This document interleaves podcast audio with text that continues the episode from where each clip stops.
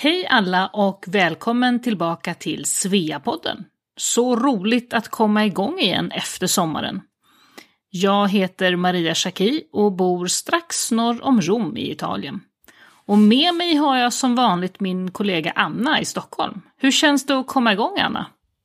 Ja, men det är ju jätteskönt att hösten är på ingång och vilken superhärlig och varm sommar vi har haft här hemma i Sverige. En riktig present efter all covid-isolering. Ja, verkligen. Och så mycket det har hänt i Svea även i sommar. Jag var själv på lunch med Svea Stockholm i juli och det var så roligt att träffa Stockholmssveor, men även andra då som liksom jag var på besök hemma i Sverige. Och sådana där gånger märker man ju verkligen av den här världsvida gemenskapen. Ja, men eh, har du hängt med på Svea Internationals Instagram i sommar, Maria? Vi har ju presenterat över tio sveor som har uppdrag för just Svea International. Det är ju ändå fantastiskt med sociala medier, eller hur? Ja, det var så spännande att se vilka härliga kvinnor vi har att göra med. Ja, och eh, lyssna vidare nu i reklamen som kommer i mitten av det här avsnittet så berättar vi mer om vad som hänt i Svea i sommar och vad som är på gång alldeles snart, nämligen utdelningen av årets svenska kvinna till eh, kronprinsessan Victoria den 9 september. Och sen eh, kom det ju en nyhet här att vår fantastiska internationella ordförande Susanne inte kommer att ställa upp för omval till en ny tvåårsperiod. Utan nu gäller det alla Sveor att vi hittar en ny fin internationell ordförande för Svea. Även vice internationell ordförande och flera regionordförandeposter är uppe för nyval. Allt det här kan du läsa mer om på vår hemsida svea.org. Ja, en annan sak som är lite ny är ju också att vi organiserar om oss här i teamet kring Sveapodden.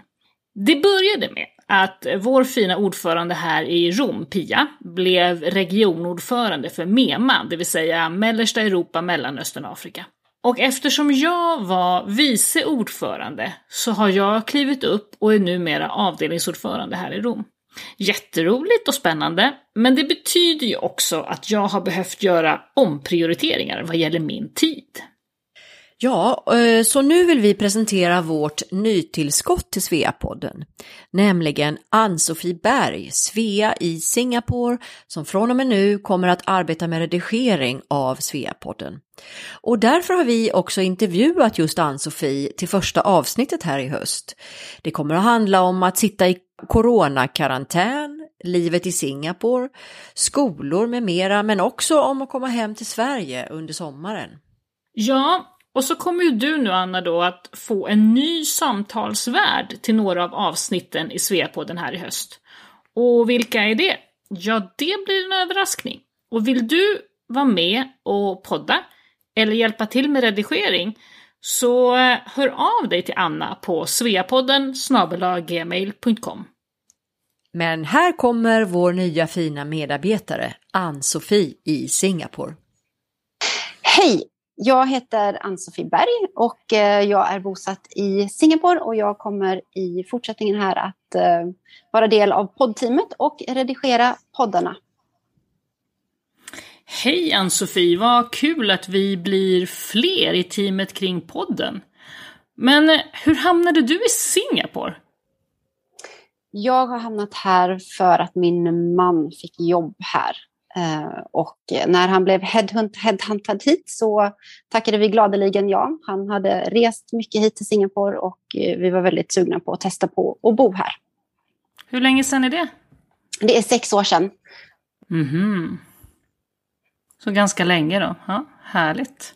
Hej Ann-Sofie, eh, men vad kul eh, att få prata lite med dig här. Berätta lite för oss om din sommar. Du har varit hemma nu och var i, eh, i Sverige är hemma för dig? Jo, vi åkte hem i början av juni för att Singapore gick i en mini-lockdown så vi valde att åka hem lite tidigare innan skolan slutade. Barnen hade hemskola så då tog vi chansen och åkte. Och då har vi hus i Beddingestrand nere i Skåne. Det ligger mittemellan Ystad och Trelleborg kan man säga. Så dit åker vi på somrarna och vi har haft en väldigt härlig sommar där. Vad mysigt. Och sen när du skulle tillbaka nu så var du tvungen att sitta i karantän. Berätta om det. Ja, Singapore har ju stängt gränsen för inresor sedan ett och ett halvt år tillbaka ungefär. Så för att komma in i Singapore så måste man ansöka om inresetillstånd såvida du inte är en permanent resident eller en citizen. Då kan du komma tillbaka. Men det krävs då 14 dagars karantän. Det är ett fåtal länder som har lite färre dagar eller man kan sitta i en hemkarantän. Men för oss gällde 14 dagar på hotell. Så det har jag precis kommit ut ur. Och då var det inte sådär, då var det inte sån här liksom, man fick inte riktigt välja hotell heller, utan hur funkar det? Nej, det får man inte, utan eh, man eh, flyger in till Singapore och när man landar på flygplatsen här så blir man transporterad i buss vidare till ett eh, hotell som myndigheten har bestämt att man ska vara på. Ehm, så det kan vara allt ifrån de finaste femstjärniga till lite sämre trestjärniga hotell också. Så det är en stor variation av hotell. Man Får man betala på. hotellräkningen själv då, liksom mm. man råkar hamna på, eller hur funkar det? Nej, det är samma pris. Oavsett hotell så är det samma pris. Ehm, så det är en summa som man betalar och då är det hotell och så är det inklusive tre måltider per dag som man får där. Och då är det resonabelt så alla klarar av det då, eller? På något sätt? Alltså, det kanske jag inte skulle, det skulle jag kanske inte helt säga. Det kostar eh, 2000 dollar, Singapore-dollar, för två veckor. Eh, och den ligger runt 6 kronor, så det är ju en ganska hög summa ändå, kan man säga. Och, och jag tror du sa när vi pratade tidigare att du inte ens, man fick inte ens lämna rummet. Så hur får man mat och hur, hur står man ut? Är det inte lite klaustrofobiskt? Det kan det vara. Man eh, får då komma till hotellet, man får checka in och sen så blir, får man kliva in i, i hissen och sen så skickar de en till den våningen man ska. Och sen kliver man in i sitt rum och sen låses dörren bakom en. Kliver man ut ur rummet så låses dörren bakom sig. Ehm, så att man måste hela tiden stanna där inne. Ehm, man har ett litet bord eller en liten stol ståendes utanför dörren. Ehm, och sen så tre gånger om dagen då, beroende på vilket hotell kan tiderna skilja sig lite, så kommer de och lämnar en, en så kallad liten box med frukost, lunch och middag. Ringer på klockan och så får man öppna sin dörr och ta sin låda. Man får inte ha någon kontakt med personalen utan man plockar bara sin matlåda och så får man ta in den på, på hotellrummet igen. Så man får inte ens gå till gymmet eller gå ut i den lilla trädgården utanför hotellet, ingenting sånt?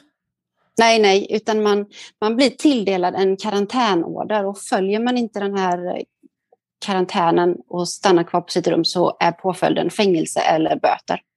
Så att man vågar inte knappt öppna dörren. Man håller sig i sitt hotellrum. Så du har suttit där nu med hela din familj eller är det du och barnen eller? Jag och min dotter har suttit nu. Um, vi två har suttit tillsammans denna gången. Och jag har ju suttit fyra gånger i karantän. Så jag har suttit två gånger med min, tre gånger med min dotter och en gång själv. Och vad mm. gör man då hela dagarna? Vad gör ni? Uh, ja, vad gör man egentligen? Man får försöka roa sig på bästa sätt. Det är ju uh, mycket iPad kanske. Uh, man ringer Facetime-samtal till sina vänner och till sin familj. Man eh, oftast eh, kanske man försöker träna lite eftersom man inte rör, får någon vardagsmotion i sitt hotellrum. Så det kan ju vara lite yoga eller man kör lite hopprep, lite gummiband, eh, lite gott och blandat som man kan ha. Ehm, jag har ju alla gångerna haft en väska packad med saker som, för att ta med sig in i karantänen som bara är karantänen med pyssel och med spel och med kanske en HDMI-kabel som man kan koppla datorn till tvn. Man kan ha tv-spel. Så att man gör tillvaron lite behagligare helt enkelt. Men du har ju varit hemma i Sverige i sommar och jag har ju också varit hemma för första gången på, på 15 månader. Och, och för min del var det ganska märklig upplevelse att komma till Sverige i sommar. De första dagarna var lite grann som att komma till en annan planet där covid inte riktigt fanns. Hur, hur, känner du? Känner du igen mina tankar kring det här? Var det bara jag som upplevde det så, eller hur, hur tänkte du? Nej, men jag håller absolut med dig. från att komma från ett väldigt strikt land som Singapore är, där vi har masktvång och vi måste skanna en QR-kod när vi ska gå in och ut i affärer eller restauranger eller man är påpassad hela tiden. Eh, om man håller avstånd och man, man vet att myndigheterna vill att man ska verkligen sköta sig. Och sen kommer man till Sverige så är det, det är en helt annan värld. Verkligen, jag håller med. Jag tror att Sverige försöker, men det är en stor skillnad från hur det ser ut i många andra länder. Ja, jag kände de här första dagarna så hade ju vi, vi tog ju på oss munskydd och sådär när vi gick in i affären, men vi var ju de enda som hade det, så det kändes ju lite konstigt. Så efter någon vecka så slutade vi med det, för att, ja, man kände sig udda.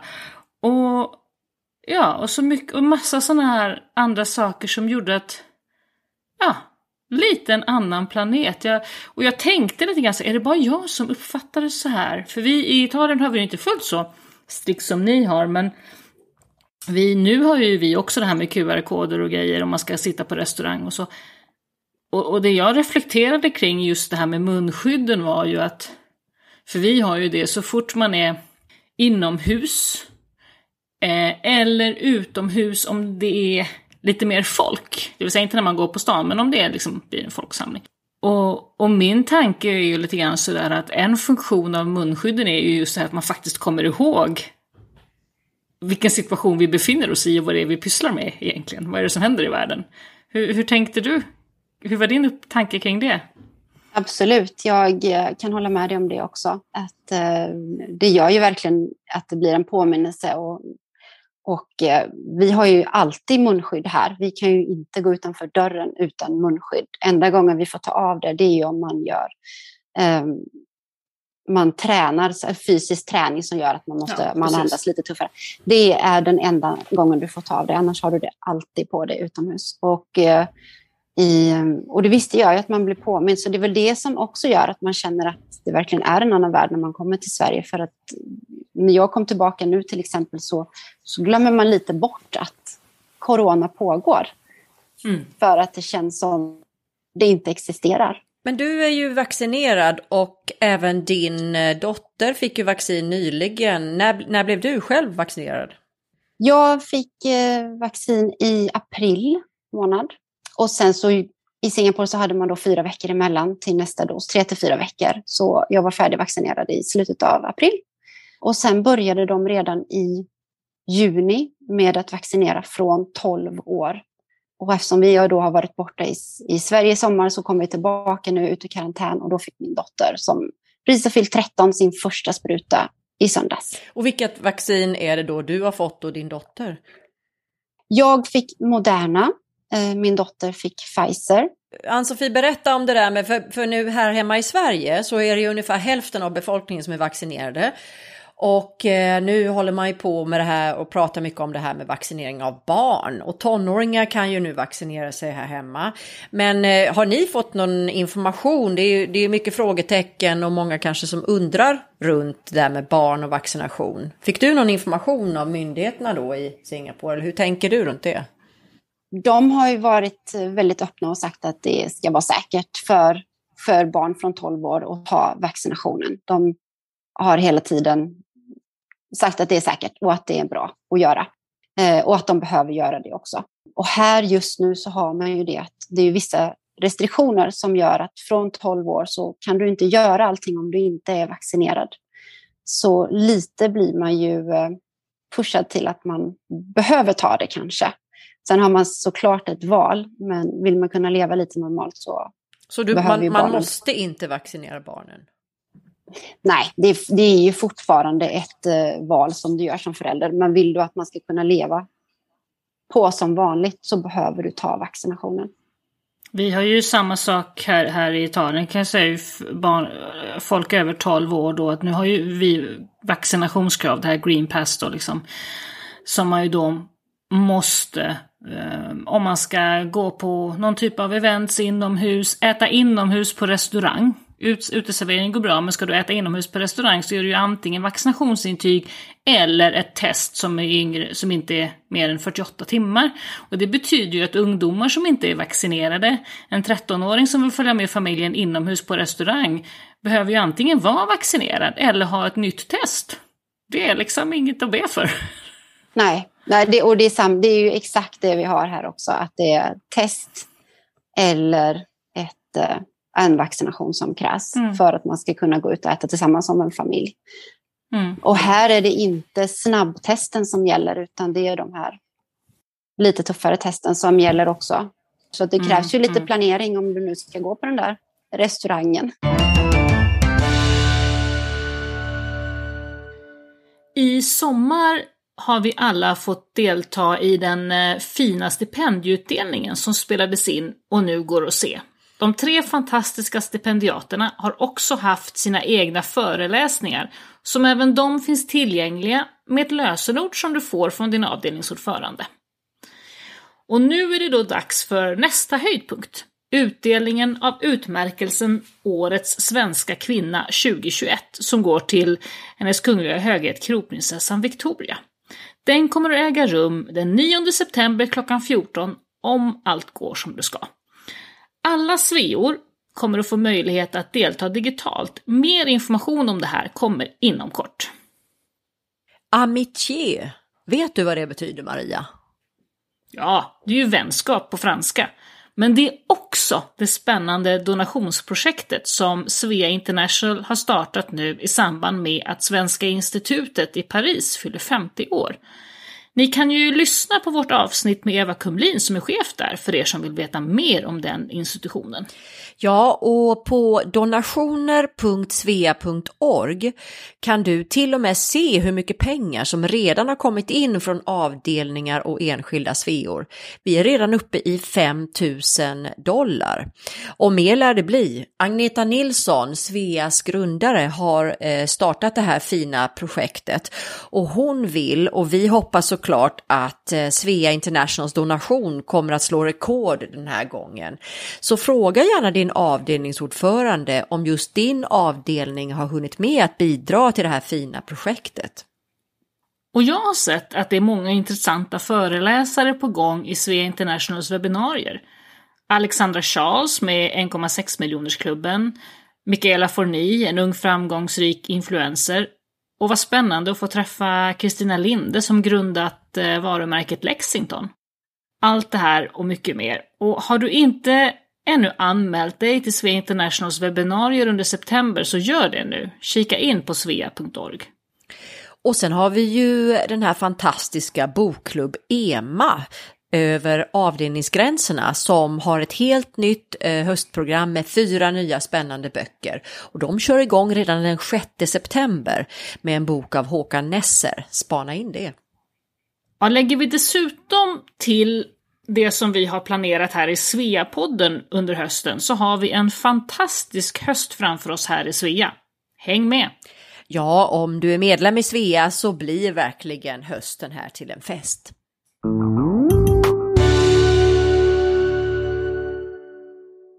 Men du, berätta lite mer om din bakgrund. Varifrån i Sverige kommer du och vad har du gjort i livet i övrigt? Ja, från början är jag från en liten, eh, litet ställe i Västergötland, åtta mil utanför Göteborg. Och sen så har jag eh, flyttat vidare för skola och för jobb och så vidare i, eh, i Sverige och i världen. Jag är resebyråtjänsteman eh, i grunden, jobbat med affärsresor under väldigt många år och tyckt att det varit roligt. Men du har jobbat också i Singapore, eller hur? Berätta om det. Ja, det har jag gjort. I Singapore har jag jobbat i två år och då jobbade jag som assistent åt försvarsattachén på ambassaden här i Singapore. Och eh, det var väldigt spännande och väldigt roligt. Jättekul var det. Någon kanske undrar här varför har man en försvarsattaché i ett land som Singapore? Vad, vad gör den liksom, funktionen? I grund och botten är det för att eh, för många år sedan så sålde Sverige ubåtar till Singapore. Och då behövde man ha en försvarsattaché här. Så det är väl grunden till att eh, man har det. Och sen har man fortfarande ett väldigt fint samarbete med Singapore. Och när jag jobbade som assistent så hade den, täckte den även Brunei och Indonesien. Och eh, man har fina relationer med de här länderna. Men, men livet i Singapore då? Berätta om det. Vad, vad är det som är spännande i Singapore? Singapore är ju ett fantastiskt land att bo i. man lever ett väldigt gott och ett väldigt bra liv här. Det är ett säkert land, det är tryggt, det är bra skolor. Det är nästan bara positiva saker att säga om Singapore. Det är det. Så som jag sa tidigare, att vi var väldigt glada när vi fick chansen att flytta hit. Och vi trivs, vi trivs jättebra. Ehm, det är en, en stad på cirka 6 miljoner, som på en liten yta som Öland ungefär, får man in alla dessa människorna. Men det är en oerhört grön och fin stad. De är duktiga på att bevara sina parker och grönområden och naturreservat. Så man kan vara mycket ute i naturen även om det är en liten yta och mycket människor. Vad är det som är lite mer prövande då med att bo i Singapore? Prövande är väl att det är ett långt avstånd till Sverige mm. och en tidsskillnad. Det tycker jag kan vara lite prövande ibland. Det tar lite tid att flyga helt enkelt. Och vintertid, även om det bara är en timmes tidsskillnad, så sju timmar tidsskillnad gör att det blir är lite svårt att hålla kontakten och allt sånt med, med människor hemma i Sverige. Så det är nog en, en prövning. Och sen är det varmt och väldigt fuktigt. Eh, värmen är väl en sak, men det är ju oerhört fuktigt hela tiden också. Som gör att ja, man är alltid lite svettig. Men du, hur kom det sig att ni hamnade i Singapore och hur, hur, hur gick det till? min man blev då headhuntad till ett eh, företag här. Han jobbar inom shipping. Så det är anledningen till att vi, att vi hamnade just i Singapore. Och nu har ni bott där, hur länge var det? I sex år. Vi har bott här i sex år. Och han är ju då, han är lokalanställd så att vi har ingen tidsaspekt på när, inget så här, vi ska åka hem om tre år. Utan vi, eh, vi, vi bor här helt enkelt. Och hur, och hur tänker ni kring det? Liksom? Är det så att har ni själva någon egen plan att ja, men, vi är det så här länge till eller vi bor här tills vi blir pensionärer? Hur tänker ni kring det? Eh, vi är nog inte så mycket planeringsmänniskor kanske, om jag ska vara helt ärlig. Utan vi, vi trivs ju väldigt bra här. Vi har en dotter som är 13 år och eh, de, är jätte, de har jättebra skolor här så det är, är väldigt tryggt och bra för henne att göra färdigt sin utbildning här. Berätta om det där med skolan, det är så spännande. Vilken skola går hon i? För Singapore är ju världskänt för sina fantastiska skolor. Ja, de är väldigt duktiga på sina skolor. Molly går på en internationell skola, UWC, och eh, hon går då i sjunde klass där. Eh, det är ju en sko stor skola. Jag tror det är, det är 3000 elever cirka med eh, människor från, från hela världen. Allt från ja, Italien till Ryssland, till Sverige, till Singapore. Så det är en stor blandning av människor. Hon går i en klass på cirka 20 elever, 20-25 elever tror jag de är. Hon har precis börjat nu så vi har inte riktigt helt koll på hur många de är riktigt än. Berätta lite om den, den här skolan, för jag vet att jag var där och faktiskt besökte den när vi funderade ett tag en gång på att flytta till Singapore. Och eh, den där skolan har ju ett fantastiskt rykte, men det verkar vara ganska hårt också, eller hur upplever du det? Att det är mycket studier och mycket läxor. Hur tänker du runt det? Ja, det jag kan säga är ju att vi bor i Asien, så här är ju alla skolor ganska tuffa. Mm. Det är inget de udda liksom? Nej, de, de, de, tuffa och tuffa, jag tror att de, de kräver mycket av sina barn helt enkelt. Och alla gör likadant, så det är inte så att man märker att det kanske är någon, någon större skillnad från skola till skola här. De, de kräver mycket och jobbar på bra, det är mycket läxor. Men, men det är inte så att jag skulle tycka att det är på något sätt onödigt mycket, utan det, de, de flesta barnen fixar det. Det är både hög nivå och stor kvantitet av studier ja. så att säga. Ja, precis. Men Singapore har ju också en ganska så stor och livaktig SVE-avdelning, eller hur? Ja, det har vi. Vi är kanske strax under 70 medlemmar just nu. Vi, vi har inte riktigt fått den senaste rapporten. Det är styrelsemöte här nästa vecka. Men cirka 65-70 medlemmar. Vi är ju väldigt aktiva. Vi har en tidning som eh, ges ut två gånger om året. En på strax innan jul och en till sommaren. Ehm, de är otroligt duktiga och det är en väldigt fin tidning som många hjälper till och, och skriver artiklar i och hittar på idéer till. Så den är de bra på. Men även eventsen är ju aktiviteterna vi gör är också många och eh, vi försöker ha någonting varje vecka så att det ska finnas någonting. De är också otroligt aktiva de och jag måste ju säga att alla de här grupperna har gjort ett enormt bra arbete under tiden som vi har varit i, i lockdown eller mm. vi har haft restriktioner. För vi har ju trots allt haft restriktioner på hur många vi får vara sedan ett och ett halvt år tillbaka. Men de har varit otroligt kreativa. Men nu får ni träffas, det, det, är, inte, det är inte en massa restriktioner nu längre, eller? Jo, vi har fortfarande restriktioner. Vi gick ju i en mini-lockdown här i april, maj månad igen. Där skolorna gjorde hemskola från maj månad tror jag det var. Eh, och att man bara fick gå ut två och två. Nu har de precis släppt så nu får vi vara fem stycken i grupp ute. Om du är vaccinerad. Annars är det två som gäller. Så vi har fortfarande väldigt hårda restriktioner. Eh, och gränserna är fortfarande stängda. Eh, man måste ansöka om att få komma in. Så Diskuteras det, för att fråga en sak, diskuteras det även om att, att man skulle få ta en tredje vaccinspruta i Singapore? Vad tänker man om det? Jag tror inte att jag har läst någonting just från Singapores sida om det. Jag tror att det har varit mer utländsk media. Singapore är ju, eh, man spekulerar inte så mycket i det här landet. Man, man säger mer när man har fakta, att det här, nu gör vi detta.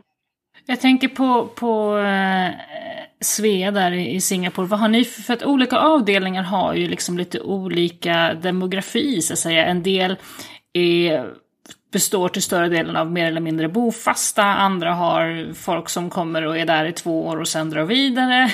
Hur ser, hur ser sammansättningen ut i Singapore? Jag tror att det är lite blandat. Sen är det ju så att Singapore är ju till hälften är vi ju sådana som kanske har kontrakt på två, tre år och sen är det många som stannar kvar länge också. Så att jag tror faktiskt att det är en, en hyfsat bra mix av det där. Vad gör du i Svea? Har du något uppdrag i Svea Singapore? Ja, jag är ansvarig för hemsidan, webbansvarig. Eh, sitter med i styrelsen. Så då du, håller du på och taggar inlägg för fullt nu inför den stora hemsiderenoveringen? Ja, det ska bli så spännande när vi får vår nya hemsida här under hösten. Jag tror vi alla ser fram emot det. Det ska bli väldigt roligt att se när det blir, när det blir klart. Men tills vidare kan man ju kika in på singapore.svea.org, eller hur? Då kan man kika in och se vad ni har för er och läsa den här fantastiska tidningen också alla webbredaktörer i Svea över hela världen har ägnat en hel del tid i sommar åt att eh, tagga och städa på hemsidan inför att den ska flyttas och göras om här eh, under hösten. Så att det har pågått ett ganska stort arbete i det fördolda faktiskt. Ja, det har det definitivt gjort. Det, det eh, var en del att göra där kan man säga. Men eh, nu kanske vi har pratat lite färdigt om mig så vi kanske ska gå över till och se eh, lite mer om er. Jag har nämligen hört att lyssnarna är lite intresserade om eh, att veta lite mer om er två. Så eh, Maria, kan inte du berätta lite om eh, hur du hamnade i Italien, lite din bakgrund och, och vad du gör på dagarna? Oj då. Ja, jo men jag är väl uppvuxen i Uppland i vanliga fall. Jag brukar säga att jag har vuxit upp i trakterna kring Arlanda. Det är mina hemtrakter. Men tiden, vad kan vi säga, de 20 åren innan jag flyttade hit till Italien så bodde jag i Skåne. Där jag var Montessori-lärare och sen startade min egen Montessori-skola som jag var rektor på och ägde då i ungefär 15 års tid. Så det är liksom min professionella bakgrund i Sverige. Eh, sen för några år sedan så sålde vi vår verksamhet till eh, ett större skolbolag och i samband med det så fick min sambo, som ju också är svensk då, möjlighet att gå i pension lite tidigt. Ehm, och då bestämde vi oss att flytta hit till Italien. Vi har nämligen varit här mycket och för några år sedan så köpte vi ett hus här nere som vi tänkte att vi skulle renovera i och bo lite senare i livet. Och då, när alla de här möjligheterna infann sig så kände vi att ja men då, då drar vi. Och jag fick då möjlighet att jobba kvar i det här bolaget som, som äger min skola numera då, eh, på deltid och som projektledare. Så eh, det var jätteskönt att kunna lämna över rektorskapet till en kollega. Eh, och sen då bor vi här en och en halv timme norr om Rom, utanför Viterbo. Och tanken var ju att jag skulle jobba liksom på, var varannan vecka i Sverige ungefär. Eh, jag hade ett rum i mammas källare i Knivsta. Och så skulle jag liksom flyga fram och tillbaka varannan vecka och jobba lite grann och träffa familjen och så. Mm, syskon och syskonbarn och mamma och sådär och så jobba och sen vara här hemma då varannan vecka. Och det där fungerade ju faktiskt ganska bra fram till eh, mars 2020. Sen eh, var det liksom slut på resandet. så numera jobbar jag på distans, kan man säga. Eh, och det har fungerat förvånansvärt bra. Och vi har ju, ni som har lyssnat har vi kanske hört lite grann om vår husrenovering av och till. Så vi renoverar alltså ett, hu ett hus här norr om Rom som var ett gammalt medeltida hus. Så att vi har gjort allting. Det var liksom bara väggarna kvar. Den nyfikne kan gå in på Instagram där vårt hus heter Villa Colle Torsia. Eh, Villa Colle är Villa, är Villekulla på italienska. Vi kände att vi gör lite grann som vi vill här så vi döpte huset till Villa Villekulla fast på italienska. Villa Villa Colle. Så Villa Colle Tuscia. Där kan ni läsa lite mer om vår Jag trodde det där betydde någonting så det var bara påhittat namn. Nej, Villa Colle är Villa Villekulla. Villa Villa Colle. Och Tuscia är området här. Det är liksom lite grann som, ni vet, Österlen, Roslagen, alltså det är ett, ett geografiskt område eh, som heter Tuscia och det är alltså S-C-I-A. Det är norra Lazio kan man säga, är, är det som man kallar för Tuscia. Eh, så Villa Colle Tuscia. Så det betyder någonting. Ehm, så, så är det. Så så har vi hamnat här. Tidigare har jag bott i, i i New York ett år och så för, för länge sedan. Men, men eh, Svea blev jag engagerad först i här då när jag flyttade hit. Så numera är jag faktiskt eh, avdelningsordförande här i Rom sedan en tid tillbaka. Spännande. Så då har du en, eh, en hektisk höst fram, framöver här då kan man tänka sig med jobbet som ordförande och fortsatt renovering. Så är det. Och eh, ett, ett riktigt jobb vid sidan om dessutom. Och Anna då, du har ju också bott på lite olika ställen förstår jag. Vad, kan du berätta lite om dig då? Ja, nej men eh, jag är ju ansvarig nu mer, ska jag börja med att säga, för sociala medier för Svea International. Jätte, jättekul. Och eh, jag jobbar med flera olika spännande personer inom Svea, bland annat Maria här som är så duktig, eh, men även andra som hjälper till med vår Facebook, Instagram och våra webbinarier och allt sådär. Tycker det är jätteroligt att vara engagerad för Svea, måste jag börja med att säga. Det är ju lite roligt det här, de här lite speciella tiderna, att, att Anna och jag har ju jobbat tillsammans i ett år nu, men vi har ju faktiskt aldrig träffats på riktigt.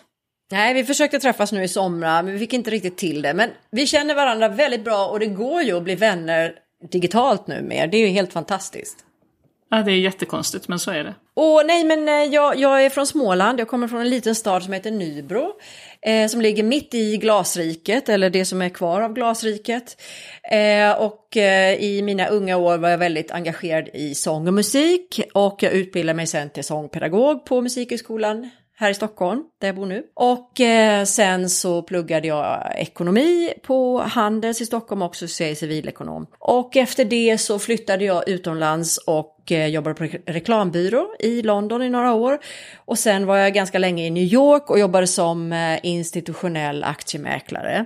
Och där träffade jag min ryska man Eh, sen eh, har vi kamperat ihop och bott bland annat tio år i Moskva i Ryssland, som jag måste bara göra lite reklam för, att det är en fantastisk stad.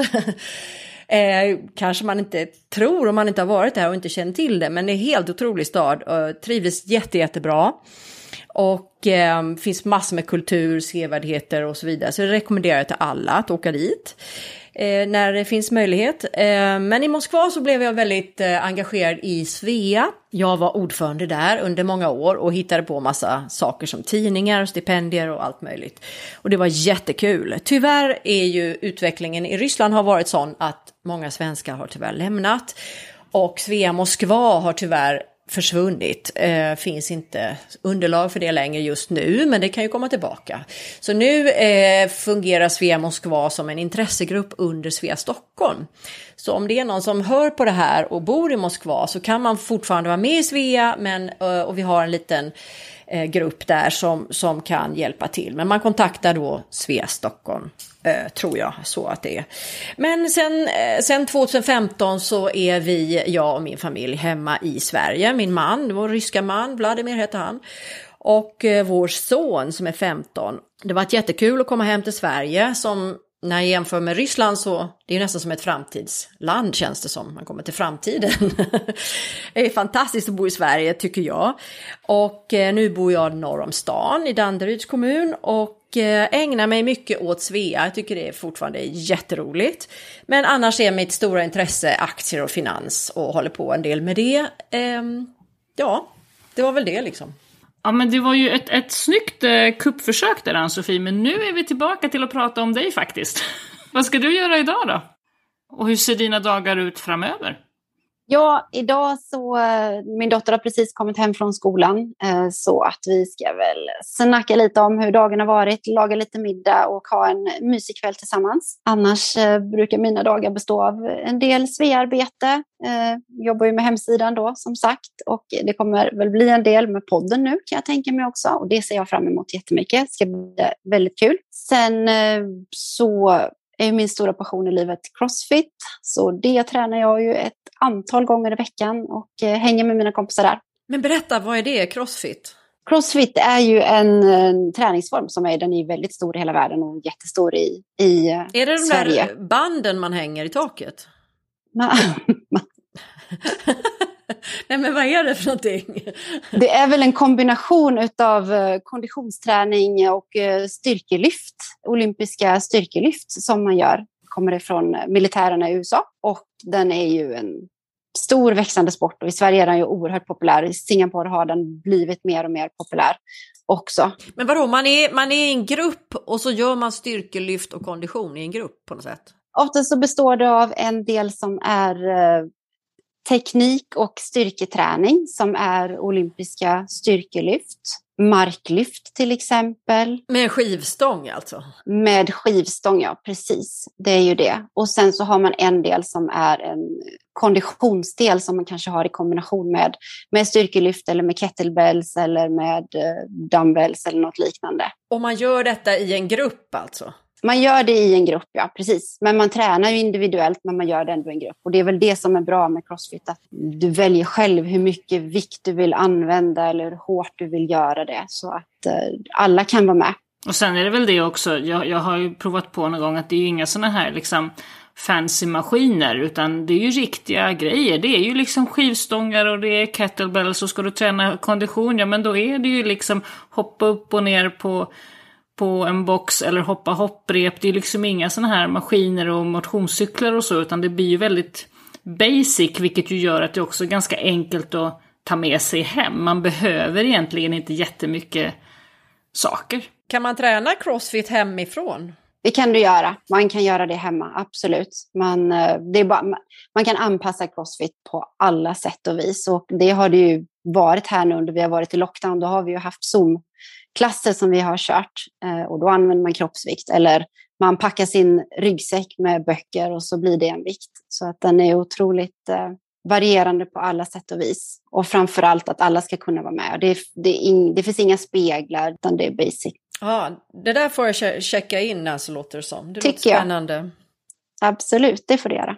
Men du, eh, berätta lite vad ni hittar på nu i Svea Singapore framöver. Vad har ni för aktiviteter? Ja, vi har ett ganska bra schema här under hösten faktiskt. Eh, vi är ju fortfarande då, då lite begränsade med restriktioner. Vi hoppas ju att det ska lättas upp. Försöker vara kreativa. Vi får bara vara fem stycken just nu. Men då kanske man har halva gruppen på förmiddagen, halva gruppen på eftermiddagen. Till exempel om man har en promenad i Botaniska trädgården eller något liknande. Vi ska eh, plocka orkidéer som är populärt i Singapore. Man har orkidéodlingar då får man en korg och så får man en liten sax och så går man runt och så får man klippa ihop sin bukett av orkidéer och ta med sig hem. Det brukar vara jättepopulärt. Vad har ni mer för grejer som är väldigt populära? Promenaderna brukar vara populära också och då väljer man olika ställen i Singapore att promenera på. Det kan vara i ett naturreservat eller det kan vara i någon trädgård eller i en stadsdel till exempel. Den brukar också vara populär. Sen eh, ska vi ha, vi har ju en del intressegrupper. Så vi har yoga bland annat, mahjong spelar vi och vi har matlag som också är väldigt populära och eh, bokklubb också. Så att det finns eh, någonting för allas intresse som man kan vara med på. Härligt.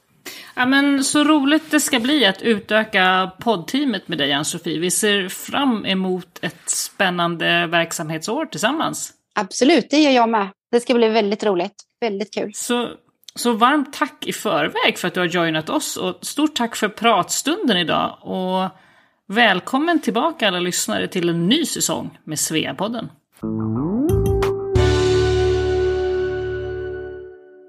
Tack för att du har lyssnat. Den här podden är inspelad och producerad för Svea International av Anna Brill och Maria Schacki. Musiken är skriven för Svea av Fredrik Åkerblom. Sveapodden finns nu på de allra flesta ställen där du hittar poddar. Eh, Apple Podcasts, Google Podcasts, Spotify, Acast och alla de här. Om du saknar något ställe, skicka ett mejl till oss på sveapodden gmail.com. Mer information om Svea hittar du på vår webbplats svea.org och i sociala medier där vi finns på Facebook, Instagram och LinkedIn och där hittar du oss som Svea International.